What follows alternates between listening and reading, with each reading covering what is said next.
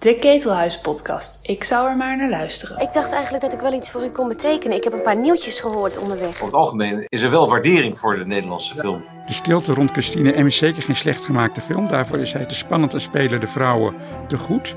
Maar het is wel een reactionaire film. We doen hiermee iets heel spannends. Je kunt ook überhaupt niet naar een theater gaan en een mooie dvd opzetten. Kan allemaal ook.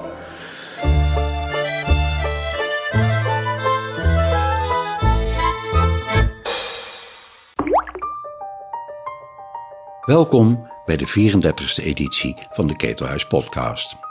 We keren terug naar de filmzolder van Berenkamp. De bekroonde wraakgriller Promising Young Woman is voor Hans Berenkamp en Basje Boer aanleiding om het eens uitvoerig te hebben over wraak en catharsis in de film. Basje en ik zitten weer op mijn zolder. Uh, op een warme junimiddag. En we hebben afgesproken dat we het vandaag zouden hebben over uh, wraak en catharsis in films. Mm Wat catharsis is, daar gaan we het straks nog wel uitgebreid over hebben. Ja, en toen dacht ik, misschien kunnen we het hebben specifiek over, uh, of daar althans mee beginnen, uh, Promising Young Woman. Omdat het een recente film is. Het is een wraakfilm. Het gaat in ieder geval over catharsis. Is de vraag of dat ook bereikt wordt. Daar kunnen we het zo over hebben. En uh, het is een film die nu ook weer gaat draaien in een aantal bioscopen. Dus uh, uh, als je zin hebt om weer naar de bioscoop te gaan, dan kan je naar deze bijvoorbeeld. Wat is volgens jou catharsis? Um, ja, het is, ik heb het ook opgezocht. Dus dan is het heel. Ik kan er wel een beetje omheen draaien. Maar het is letterlijk, of nou niet letterlijk, maar de makkelijkste definitie is emotionele zuivering. En dan via nou, bijvoorbeeld film of een toneelstuk in de tijd van Aristoteles, want die kwam met dat begrip. Maar hoe ik het zelf er altijd naar heb gekeken is, um, ja, je, je, je ziet mensen iets overkomen wat, um, wat heel erg is of wat iets met je doet. Maar dat overkomt niet jou, maar het roept wel die gevoelens op. En dan is het zuiverend om te zien um, dat het iemand anders overkomt. En dan ook dat het weer goed komt. Dat is wel onderdeel van catharsis, toch? Ja, in film is het denk ik ook heel vaak dat het kwaad wel gestraft moet worden. Ja. Boontje moet om zijn loontje komen. Ja. En als dat niet zo is, als het kwaad overwint, dan verlaat je met een ongemakkelijk gevoel ja. uh, de bioscoop. En nou, het bekende voorbeeld is een film waarvan jij mij vertelde dat je nooit hebt willen zien. Ja. Omdat er geen catharsis in zit. Mm -hmm. Dat wist je dus al. Is Funny Games van ja. Michael Haneke. Waarin indringers een huis binnenkomen, gezin terroriseren en uitmoorden. En ze komen ermee weg. Ja, nu ga ik iets zeggen over een film die ik inderdaad niet gezien heb. Maar volgens mij, ik bedoel, ik ken Haneke een beetje. Volgens mij wat ook heel erg anti-catharsis is in die film, is dat het totaal zinloos is. Het heeft geen betekenis. Het had ook niet kunnen gebeuren. Um, ja, wat, wat moet je ermee? Je hebt allemaal emoties en er is geen ontlading of er is geen antwoord. Ik denk dat dat de anti-catharsis is. En waarom Haneke dat dan doet, is denk ik om jou heel erg van bewust te maken dat je naar een bioscoop gaat, film gaat, om je gevoelens van onmacht of ongenoegen gewraakt te zien worden door iemand anders die namens jou dat kwaad dan afstraft. Ja. Het, het basisvoorbeeld van de wraakfilm is nog steeds Death Wish ja. uit de jaren zeventig met Charles Bronson. Uh, een architect die uh, op een gegeven moment van huis is en dan uh, terwijl die weg is wordt zijn vrouw en zijn dochter worden ook door indringers lastiggevallen vrouw wordt vermoord en uh, dochter verkracht en ernstig getraumatiseerd. Ja. En, of uh, bijna verkracht. Ja, precies. Ik heb hem gisteren gekeken voor het eerst. En het is een soort van op het nippertje ontkomt ze. Dus dat is ook nogal veel betekenend, denk ik. Dat, het niet, dat ze niet echt uh, bezoedeld is. Maar inderdaad, dan gaat die architect, nou die twijfelt eerst nog. Die heeft allemaal opgekropte woede en hij kan geen kant op. En hij is eigenlijk pacifist. Maar dan wordt hij toch um, overgehaald om uh, gruwelijk wraak te nemen. En niet op die daders, maar op gewoon uh, andere uh, misdadigers die op hen lijken. Want de, stad wordt overspoeld door ehm, ja, misdadigers, allemaal soort jonge jongens die ja, niets te verliezen hebben. Maar ja, daar leef je niet mee mee. Je leeft echt alleen mee met die Charles Bronson figuur en met zijn de ontwikkeling die hij doormaakt. En die leidt tot geweld. En dat wordt ook uh, door die narratief helemaal goed gepraat. Nou, het was natuurlijk jaren 70, 1974, New York. Toen uh, in ieder geval in de ogen van uh, veel mensen dat een pool des verderfs was. Ja. Hè, door drugs en, en, en andere ellende ja. waren de straten onveilig en was je je leven niet zeker. En het feit dat dan een zachtmoedige intellectueel architect wel gespeeld door Charles Bronson, maar goed, ja. toch een intellectueel. Ja. Uh, uh, wraak neemt en namens jou dat vuil van de straten spoelt.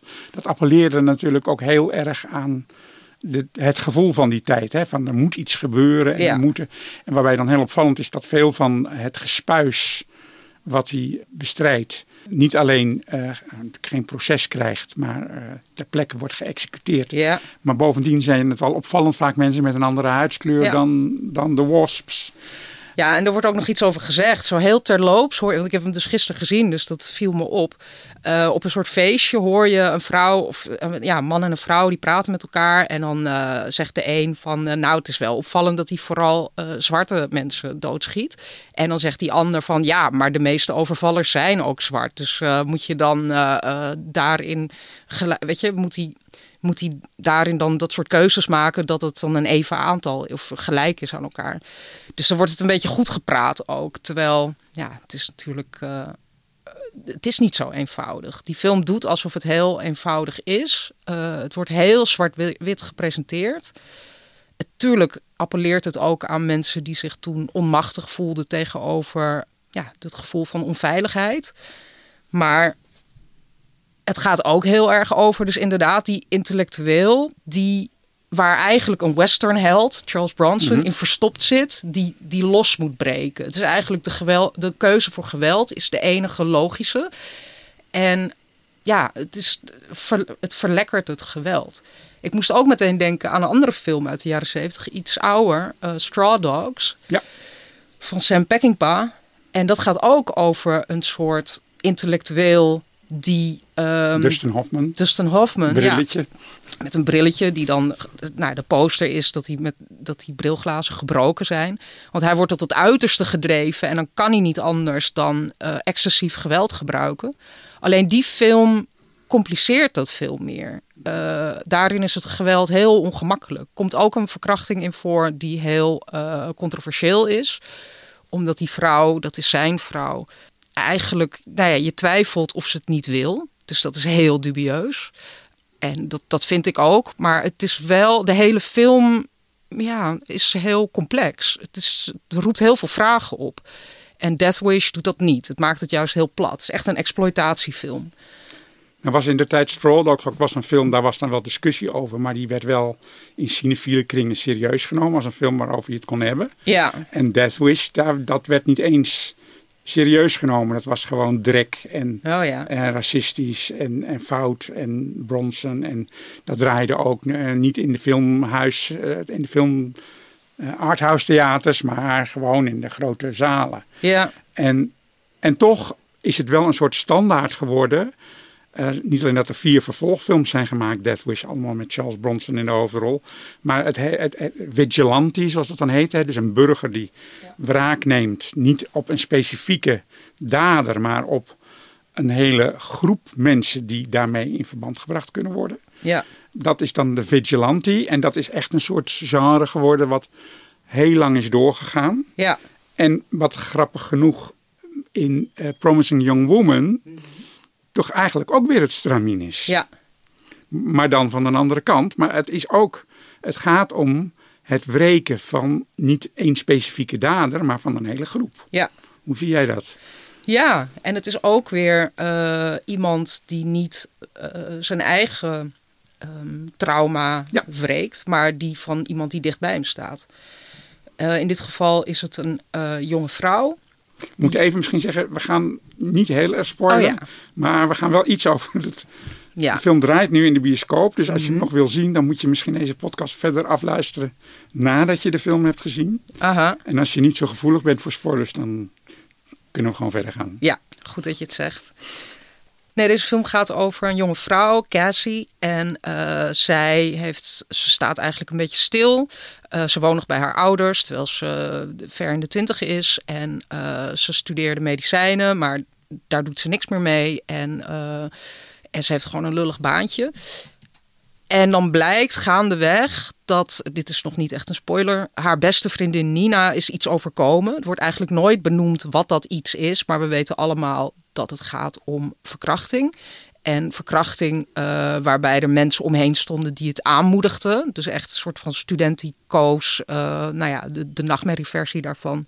Dat, dat mensen de verkrachters stonden aan te moedigen. En zij was daar zo van streek door dat ze, en ook dat wordt niet letterlijk gezegd, maar dat uh, begrijpen we, die Nina heeft zelfmoord gepleegd. En Cassie die is daar nooit overheen gekomen. Dit is een, een trauma voor haar. En zij uh, neemt in eerste instantie een soort van wraak uh, op mensen die er niks mee te maken hebben. Maar uh, op mannen die. Nou, het, het, zit zo, ze gaat naar clubs en dan doet ze alsof ze heel erg dronken is. Als een soort van aas voor potentiële verkrachters. Uh, die komen op haar af en die zeggen: Oh nee, ik breng je wel naar huis of kom nog wat drinken bij me. En dat lijkt allemaal heel aardig, maar die zijn natuurlijk uit op seks met haar. Terwijl zij heel erg dronken is. En dan als puntje bij paaltje komt, dan zegt zij: Oh, uh, of dan laat ze blijken dat ze helemaal niet dronken is. Vertelt het wel heel uitvoerig, hè? Nee, maar het is heel goed, want, want, want kijk, dit is, daar begint de film mee. Dus Ja. dat mogen we best prijsgeven. Ja. En eh, eh, een van de problemen die ik met de film heb, is dat het scenario eh, is een soort gatenkaas. Mhm. Er zitten hele grote gaten in het scenario. Nou kan gatenkaas heel lekker zijn als je die gaten er bewust in stopt. Ja. Maar bijvoorbeeld, we weten niet wat zij dan doet met die mannen die Nee. haar proberen te verkrachten. Ja. Ze, ineens laat ze merken dat ze niet dronken is, maar heel erg bij de positieve. Maar hoe het dan afloopt, ze doet iets met die mannen, maar wat, dat krijgen we eigenlijk niet te zien. Nee. Het is een soort bewust gedaan, maar werkt het? Voor mij werkte dat ook niet heel erg. Omdat eerst denk je, oh, eh, ze vermoordt ze. En later Ja. blijkt dat dat toch niet het geval is. Maar er wordt wel, ehm, ja, er wordt zo'n nadruk op gelegd dat het dan een beetje een teleurstelling bijna is dat ze dan niks doet. Of eh, ja, wat dan precies inderdaad? Wat, wat is dan de wraak precies? Wat is Op de een gegeven moment straf? kwam, zien we ook nog een huurmoordenaar, eh, Ja. praat ze mee. Althans, dat wordt gesuggereerd. Ja. Dus dan lijkt het erop alsof ze eh, dat door een ander laat uitvoeren, die wraak. Ja, maar dat is het, eigenlijk het tweede deel van de film. Zij komt erachter dat de verkrachter van haar beste vriendin weer, die is in het buitenland geweest of zo, en die keert weer terug en die gaat trouwen. En nou, dat is, kan zij allemaal niet verkroppen.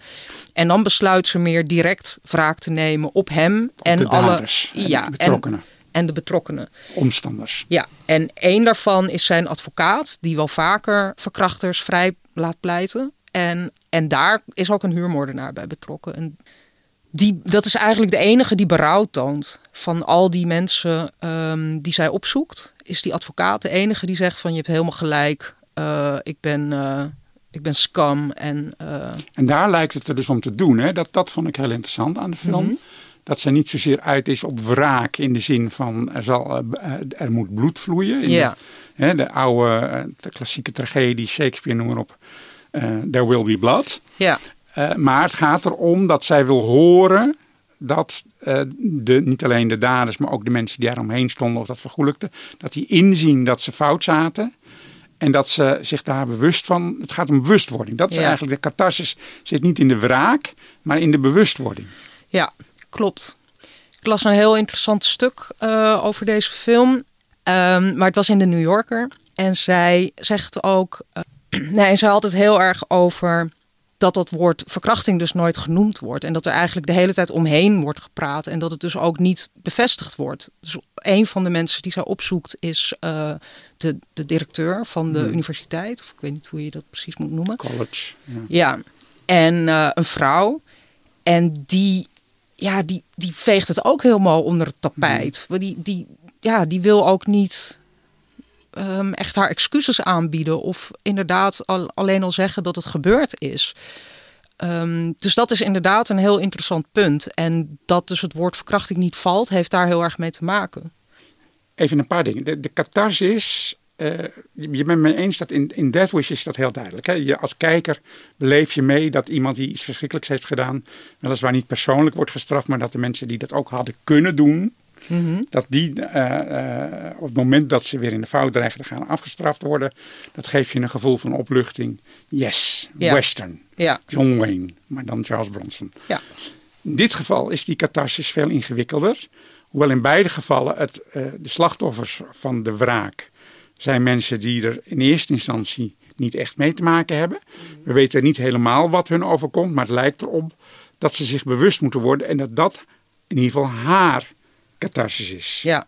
Dat ze, dat ze dat ziet dat dat gebeurt. Ja. Maar dit is wel een punt. Ik vond het, uh, ik vond het, ik vond het toch wel een goede film vond hem interessant. Ik moest, ja, deed me nadenken over zaken. Maar ik vond hem ook niet helemaal geslaagd. Ik vond ook echt wel een debuutfilm. Al vind ik dat altijd wel een beetje hmm. lullig om te benoemen. Maar het is best wel een tricky onderwerp. Uh, het is niet niks om de wraakfilm uh, te nemen, of die mal te nemen en dat aan te passen. En ook in deze tijd om het toch. Nou ja, het gaat over onderwerpen waar we heel erg mee bezig zijn, zoals consent en uh, feminisme, emancipatie van vrouwen. Um, en om dat dan precies goed te doen, wat dan toch wel moet eigenlijk. Ja, dat is gewoon nogal een opgave. En ik vind dat ze daar niet helemaal in is geslaagd. Het wordt mij dus niet helemaal duidelijk wat Cassie wil. Mm um, en ook niet wat haar morele positie is in die, in die film. Moet, moet ik voor haar uh, route, moet ik met haar weet je, meedoen? Uh, of ben ja. En dan zit je toch in die klassieke Aristoteliaanse modus om naar een film te kijken. Dat je wil, uh, je moet voor of tegen iemand, een personage in de film zijn. En je moet daardoor als kijker gelouterd worden. Terwijl het misschien juist de bedoeling is dat je alleen maar gaat nadenken. Ja, maar bij Straw Dogs vind ik dat wel werken. Dan weet ik het ook niet. Of ik voor Dustin Hoffman ben of niet. Of voor zijn vrouw. Of weet je, het is heel uh, ambigu. Maar er zitten veel duidelijkere keuzes in. Ik heb het gevoel dat Peckinpah wel weet waar die staat. En bij deze film uh, van Emerald Fennell, volgens mij hebben we haar naam nog niet genoemd, Promising Young Woman, daarin heb ik het gevoel dat zij per scène of per sequentie eigenlijk wisselt van mening mhm. daarover. In plaats van dat ze ons laat wisselen van mening. Want dat is interessant. Als je denkt, oh, net dacht ik dit, maar nu denk ik er anders over. Dan word je echt geleid door de maker. Dat is heel interessant. Maar ik heb het gevoel dat ze er zelf gewoon niet zo uh, dat, dat helder voor ogen had. Ga ik nog even terug naar Michael Haneke. Ja. Die um, in Funny Games de daders af en toe recht in de camera uh, de toeschouwers laat toespreken. Ja, oh, wat een sadist is het ook. uh, ik heb ooit over Haneke geschreven um, dat ik uh, inderdaad vond dat hij de kijker de catharsis ontnam. En dat ik daar moeite mee had. Ja. En toen kreeg ik in De Groene van Annemieke Hendricks een woedend stuk. Dat ik een dominee was die alleen maar uit een moralistisch oogpunt naar films keek. En dat het juist zo briljant was. Dat hij speelde met de moraal en dat hij niet zelf een moreel standpunt innam. Ja. Terwijl ik zeg, ja, maar als filmkijker heb ik daar behoefte aan. Ja. Ik denk dat Haneke heel bewust. Um, nou, ik denk wel dat hij een moreel standpunt inneemt, maar dat hij heel bewust uh, jou laat dwalen als kijker.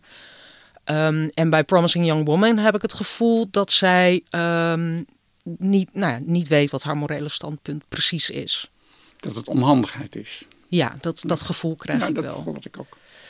Maar misschien moeten we er een paar andere feministische wraakfilms bij nemen. Om te kijken of we, uh, dat is natuurlijk niet helemaal nieuw, dat vrouwen zelf wraak nemen. Nee. The Accused hebben we bijvoorbeeld gehad met Jodie Foster. Ik weet ja. je die ooit hebt gezien. Nee, die heb ik nooit gezien. Het leek me echt een totaal oninteressante film nou, eigenlijk. Ja, in die tijd was het, dat zeker, uh, was het zeker vernieuwend, laat ik het zo zeggen. Ja, dus historisch gezien wel historisch interessant. Historisch een belangrijke film. Ja. Maar bijvoorbeeld ook De Stilte rond Christine M. Een Nederlandse film uit 1982. Van ja. een debuut van Marleen Gorres. Ja.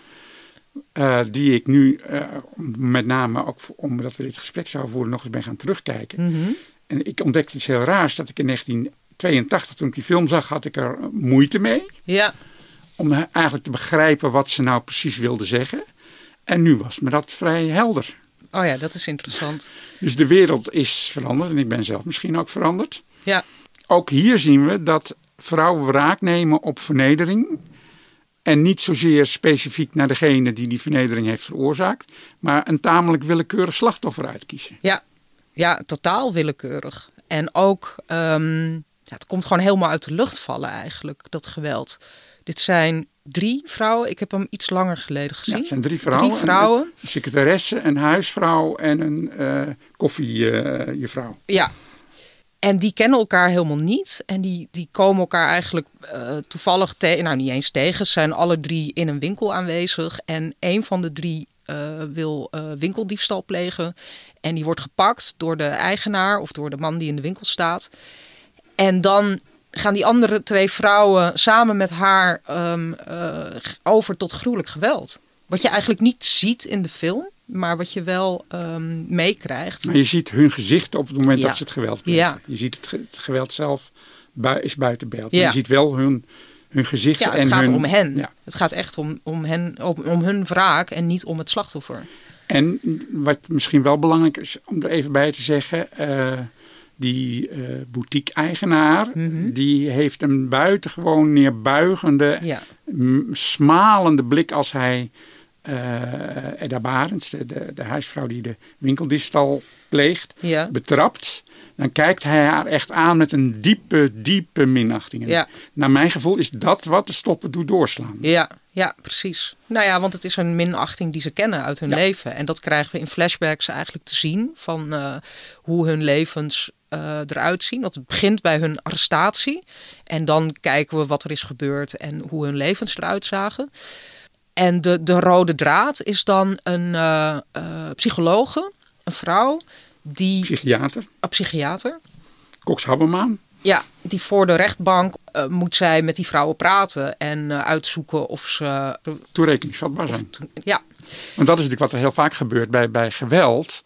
Eh, wordt altijd nagekeken of je iemand dat geweld kan toerekenen of dat hij niet toerekeningsvatbaar is, omdat hij gek is. En dat is heel vaak ook de manier waarmee de samenleving reageert op extreem geweld. Van zo iemand, daar zit een steekje los. ja, Dat zie je nu bijvoorbeeld ook nog steeds bij massamoordenaars, hè? bij Ja. eh, high school shootings. ja, Hè, dat zijn eh, meestal dan jongens.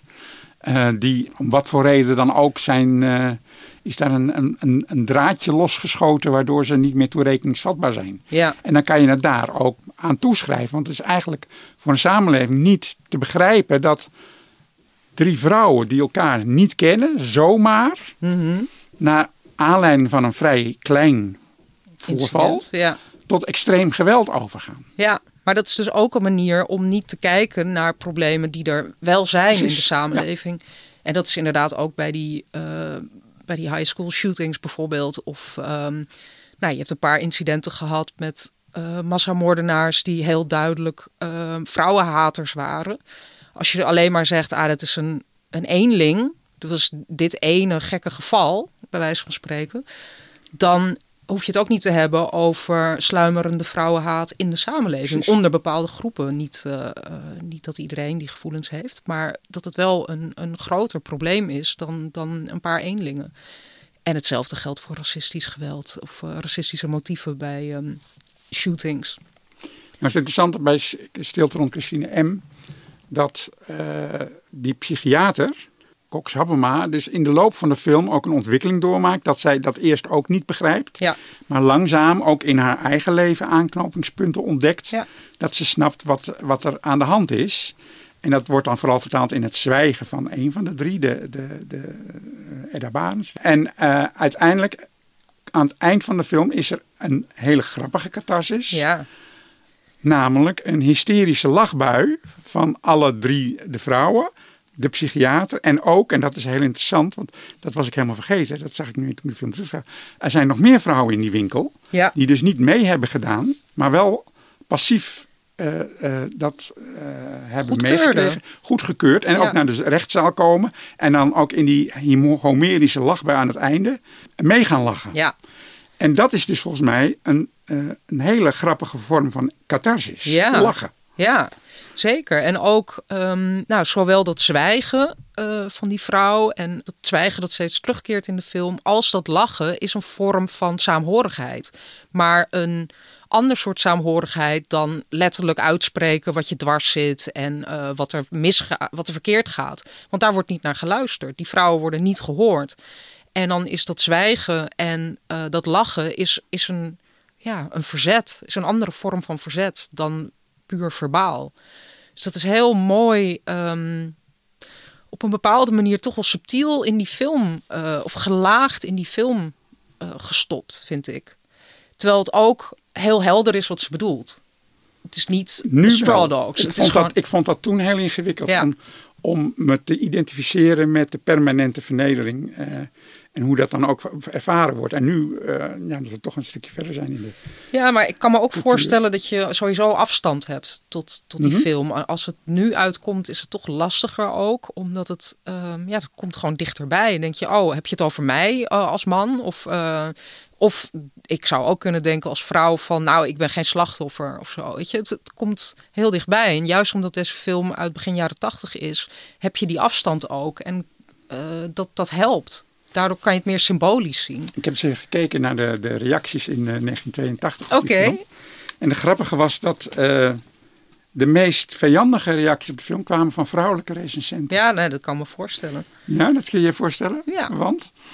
Nou, wat ik net zei, het is ook, ehm, het laat die vrouwen zien als passieve slachtoffers, die ook niet, en ja, die ook niet, op een bepaalde manier winnen ze aan het eind en op een bepaalde manier ook niet. Het is niet, die catharsis is best wel ingewikkeld in deze film. Ik zal je even een stukje voorlezen uit de recensie Trouw van Willy Wielek-Berg. Eh, onder eh, de kop Een conctie van vrouwen. Zij concludeert... Alle mannen in deze film zijn inferieur aan de vrouwen.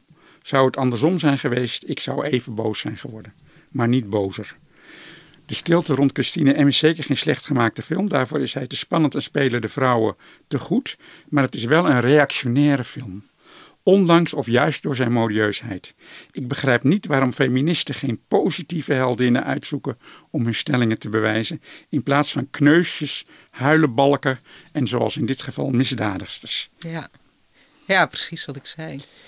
Dus eh, ja, ik denk dat die film toch zijn tijd eh, wel vooruit was. Ja, nou ja, aan de andere kant, je hebt nu ook weer dat ehm, er, nou, er worden dan door grote studio's, Amerikaanse studio's, heel veel zogenaamd feministische of eh, geëmancipeerde films gemaakt. En dat gaat dan ook, dat zijn dan ook nooit slachtoffers. Dat zijn altijd dus die positieve vrouwenrollen waar deze recensenten over spreekt. Terwijl, ja, ik kan me daar, ik, ik vind dat altijd lastig. Dat, dat vind ik dus heel zwart-wit en, en oninteressant ook. Maar ja, ehm, slachtofferrollen zijn ook ingewikkeld. Ja, dat is heel moeilijk. Nou, de grap is dat je, zoals in de stilte Christine M, de, aanleiding voor de lachbui is dat, eh, eh, ik meen de eh, officier van justitie zegt van, ja maar het, was, het is hetzelfde als wanneer drie mannen een vrouwelijke boutique-eigenaar zouden hebben vermoord. Ja, En dan komen ze niet meer bij van ja, lachen. ja, En dat is ook de- het, het ingewikkelde met die feministische wraakfilms, is dat je het eh chablo niet zomaar kan omdraaien. Je kan niet Charles Bronson van Charles Bronson een vrouw maken. nee.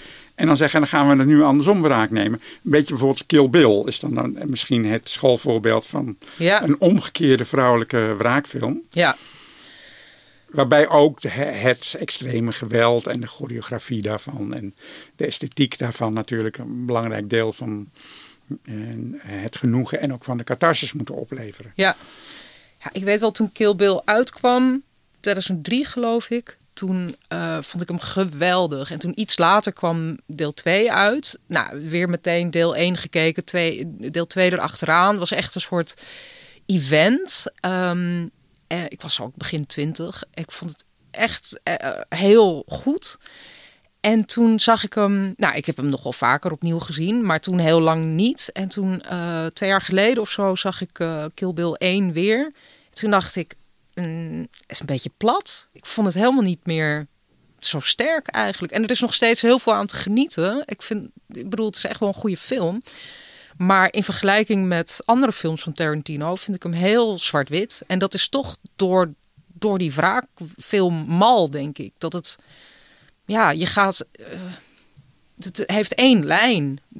En hoe zie je dan bijvoorbeeld, uh, kijk, bij Tarantino is heel vaak dat de, de, de, de, de nerds, de, de, de, de, de zwakken nemen wraken. En Glorious Bastards is natuurlijk mm -hmm. de, de ultieme ja. Joodse wraakfantasie. Uh, en dan doet Tarantino dat ook weer vaak namens iemand anders. Ja. Hij neemt ook weer wraak.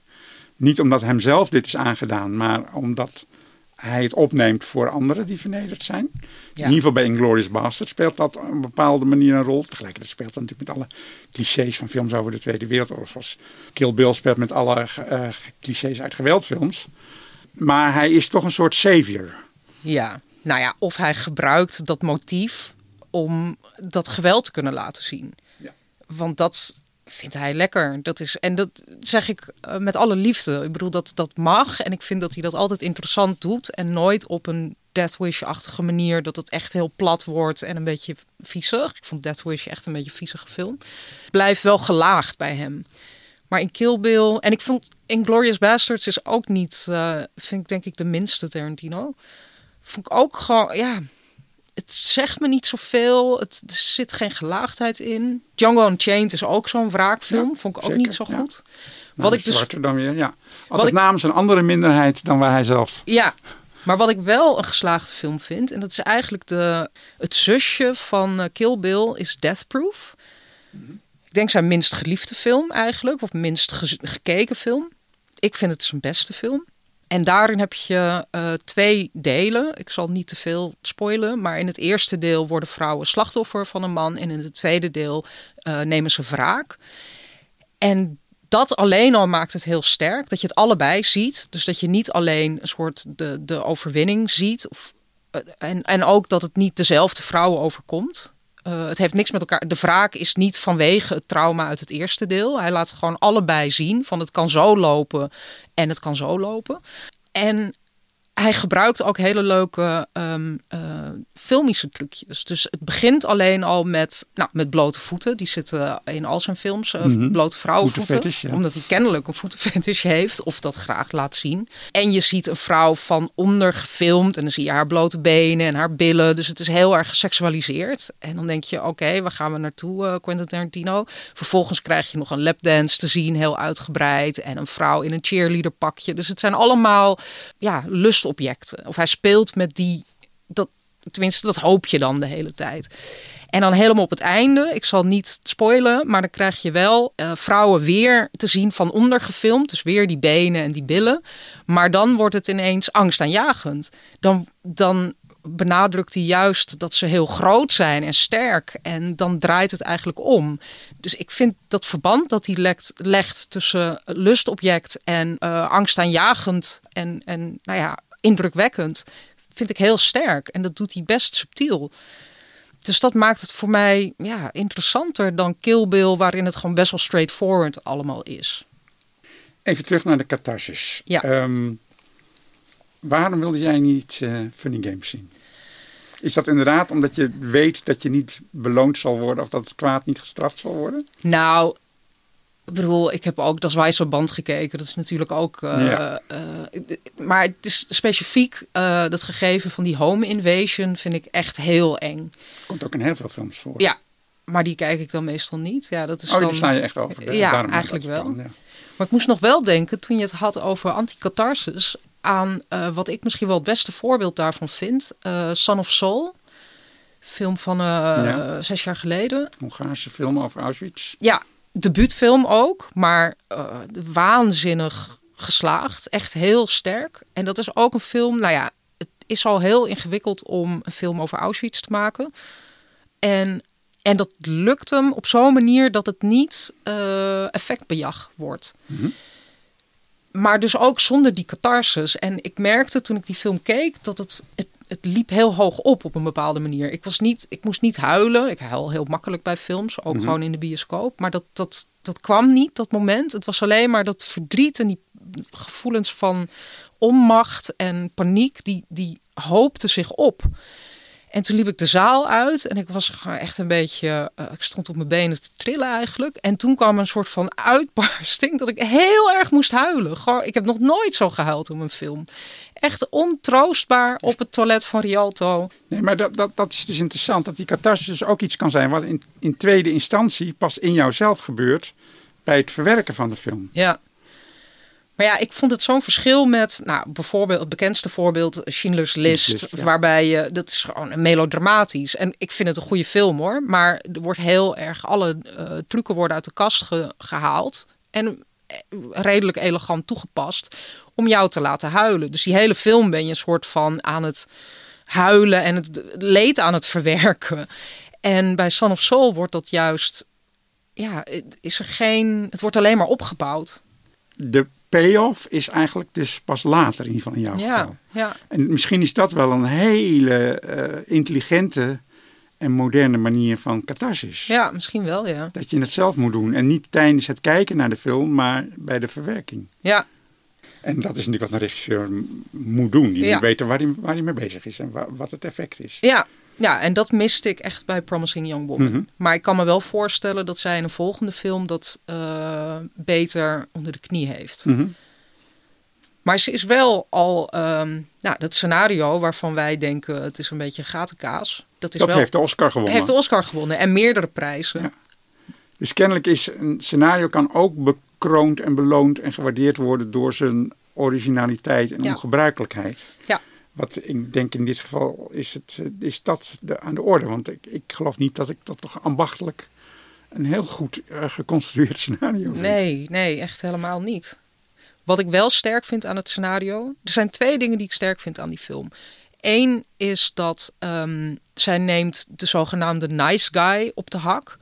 Dus de, uh, de mannen die we in het begin van de film zien, waarbij zij dus doet alsof ze dronken is en dan lokt ze ze uit. Um, dat zijn een soort van aardige jongens. Dat zijn niet uh, de verkrachters ja, uit uh, Death Wish. En dat is een fenomeen dat alle vrouwen wel kennen. Dat je denkt van, oh, dit is gewoon een hele aardige jongen. En die blijkt dan een, een, een rotzak te zijn. En dan ben je extra teleurgesteld. En um, ja, je voelt je ook gemanipuleerd. Dus dat vond ik, dat, dat schetst ze heel precies. En met ook de juiste casting. Um, het was ook in dat stuk van de New Yorker dat die vrouw opmerkte uh, dat het allemaal acteurs zijn die veel mensen kennen uit, uh, uit andere rollen, waarin ze uh, inderdaad aardige jongens spelen. Dus dat is heel slim gecast. En het tweede element dat ik heel sterk vind aan de film, en ook echt specifiek aan het scenario, is dat ze um, het doorvoert tot het uiterste. Dus het idee van wraak en de onmacht ook van wraak dat neemt ze helemaal mee tot, het, tot, tot zijn uiterste conclusie. Nou, nu weet ik niet of ik dat moet spoilen. Dat misschien maar gewoon niet. Maar uh, het heeft een heel schokkend einde. Dat wel uh, een soort werkt als catharsis en ook weer niet. Het is heel dubbel. Ja, ik, eh, mijn theorie is dus dat zij niet uit is op wraak, hmm. maar op bewustwording. Ja, oké. En dat zij dus uh, vele offers zou willen brengen om mensen tot inzicht ja. te brengen, laat ik het zo formuleren. Maar ja, dat lukt. Alleen uh, is dat die offers waard? Dat is een vraag waar je mee blijft zitten als kijker. Plus wat ik natuurlijk met elke vigilante uh, wraakfilm heb. Dat ik er moeite mee heb om mensen te straffen voor dingen die ze niet zelf gedaan hebben. Maar mensen die heel erg op ze lijken. Ja. Dat is toch wel uh, ja. een, een, zeer hellend vlak, zou ik maar zeggen. Ja. Dat geldt voor Christine M., dat geldt voor Death Wish, dat geldt voor Promising Young Woman. Ja. Ik zat ook nog te denken. Uh, ik was aan het nadenken over wraakfilms en hoeveel ik er heb gezien. Of, of ja, wat, allemaal een wraakfilm ook zou kunnen zijn. En toen dacht ik, al die superheldenfilms van nu. Daar zit ook, um, niet allemaal, maar er zit wel in het superheldengenre uh, een wraakmotief. Ik bedoel, die, die Avengers. Maar ook Batman is iemand die heel erg voor wie wraak heel erg een rol speelt. Omdat hij um, uh, een jeugdtrauma heeft omdat zijn ouders mm-hmm. overhoop worden geschoten. E-, echt een beetje Death Wish-achtig. En dat is de reden dat hij Batman wordt. En niet omdat hij uh, nou, uh, gestoken wordt door een spin of gebeten. of, of zoiets. Het is gewoon een gewone man die iets vreselijks overkomt en die dan eh, die gevoelens krijgt en, en besluit om uh, geweld te gaan. Nou, het is natuurlijk ook Revenge of the Nerds. Het, het, mm. de, de, Peter Parkers en de Clark Kents zijn natuurlijk allemaal brildragende, uh, timide jongens. Ja. Die ook wel eens de wereld aan hun voeten willen. Ja. Is dat iets dat heel. Ik bedoel, die superheldenfilms zijn heel erg groot nu. Dat is gewoon. Ja, je kan niet anders zeggen dat het iets zegt over deze tijd. Mm Heeft dat daarmee te maken, denk je? Nou, ik denk het wel. Dat, dat de, de nerds vinden dat wij zijn nu aan de beurt. Ja. Het gaat niet te zeer over persoonlijke emoties. Het is meer een soort generiek gevoel van de achtergestelde van deze wereld die nooit uh, op het schoolplein de baas waren, die worden nu de bullies. Ja. Wij mogen nu de bully zijn. Maar misschien leven we wel in een tijdperk waarin wraak en vergelding, en nu zijn wij aan de beurt, een soort leidende gedachte is. Dus ook in films. Tot zover deze Ketelhuis podcast. Je vindt de Ketelhuis podcast in je favoriete podcast app en natuurlijk op onze website ketelhuis.nl slash podcast. Abonneer je vooral zodat je geen enkele aflevering mist en leuk als je een reactie achterlaat. Hou ons in de gaten, we zijn snel weer terug met een nieuwe podcast.